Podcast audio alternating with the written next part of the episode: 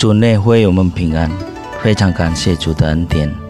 我们今天能再度参与读经运动反思。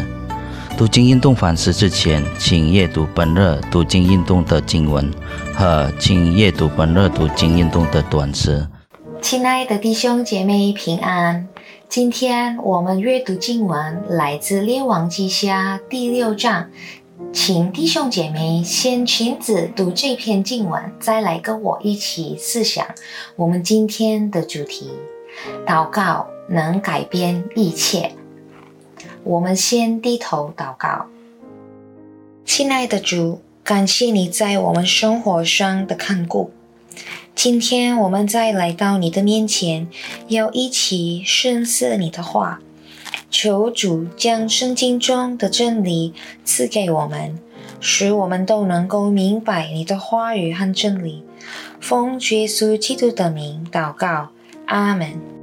本日经文讨论关于亚兰人与以色列人征战的情形。亚兰王发怒，因为他的每一种伏击以色列王的策略总是失败，而且时常这样。在第八节到十一节，他心存敬意，以为他的臣仆出卖他，将他的一切计划透露出去。其中一个臣仆告诉他，其实是。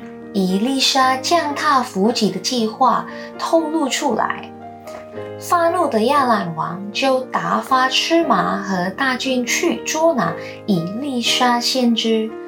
军兵抵达多坦，伊丽莎的住处，在夜间围困那城。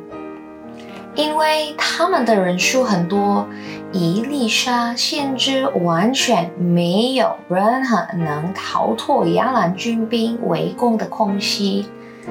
当伊丽莎先知醒来，他的仆人看见围困的军兵，就非常吃惊。当他将这般危急的情形告知他的主人时，伊丽莎先知并不吃惊，他对仆人说：“不要惧怕，与我们同在的比与他们同在的更多。”十五节到十六节，祷告上帝开着少年人的眼目，以致他能看见满山有火车、火马围绕伊丽莎，几着奇妙的方式。上帝使伊丽莎脱离亚兰军兵的围困，而亚兰军也不敢再来攻击了。我们能看到，在第十七、十八日二十节，当伊丽莎先知看到敌人下到他那里，他会马上祷告，找上帝的帮助，上帝就帮助他。以上的故事。提醒我们，当生活的问题临到我们时，我们应该怎样做？千万别绝望，还有上帝能够帮助我们。当沉重的问题临到你的时候，你是否感到焦虑、恐惧和恐慌？记得有上帝关心你、照顾你。并用我们看不见的大军保护你。如果有人想要攻击你、害你，就马上到耶和华面前来，他会帮助你。罗马书第八章三十一节告诉我们：神若帮助我们，谁能抵挡我们呢？在诗篇第三章第三节，大卫王也说：“但你。”耶和华是我思维的盾牌，弟兄姐妹，你们相信上帝会帮助你们吗？你的种种生活问题交托给他吧。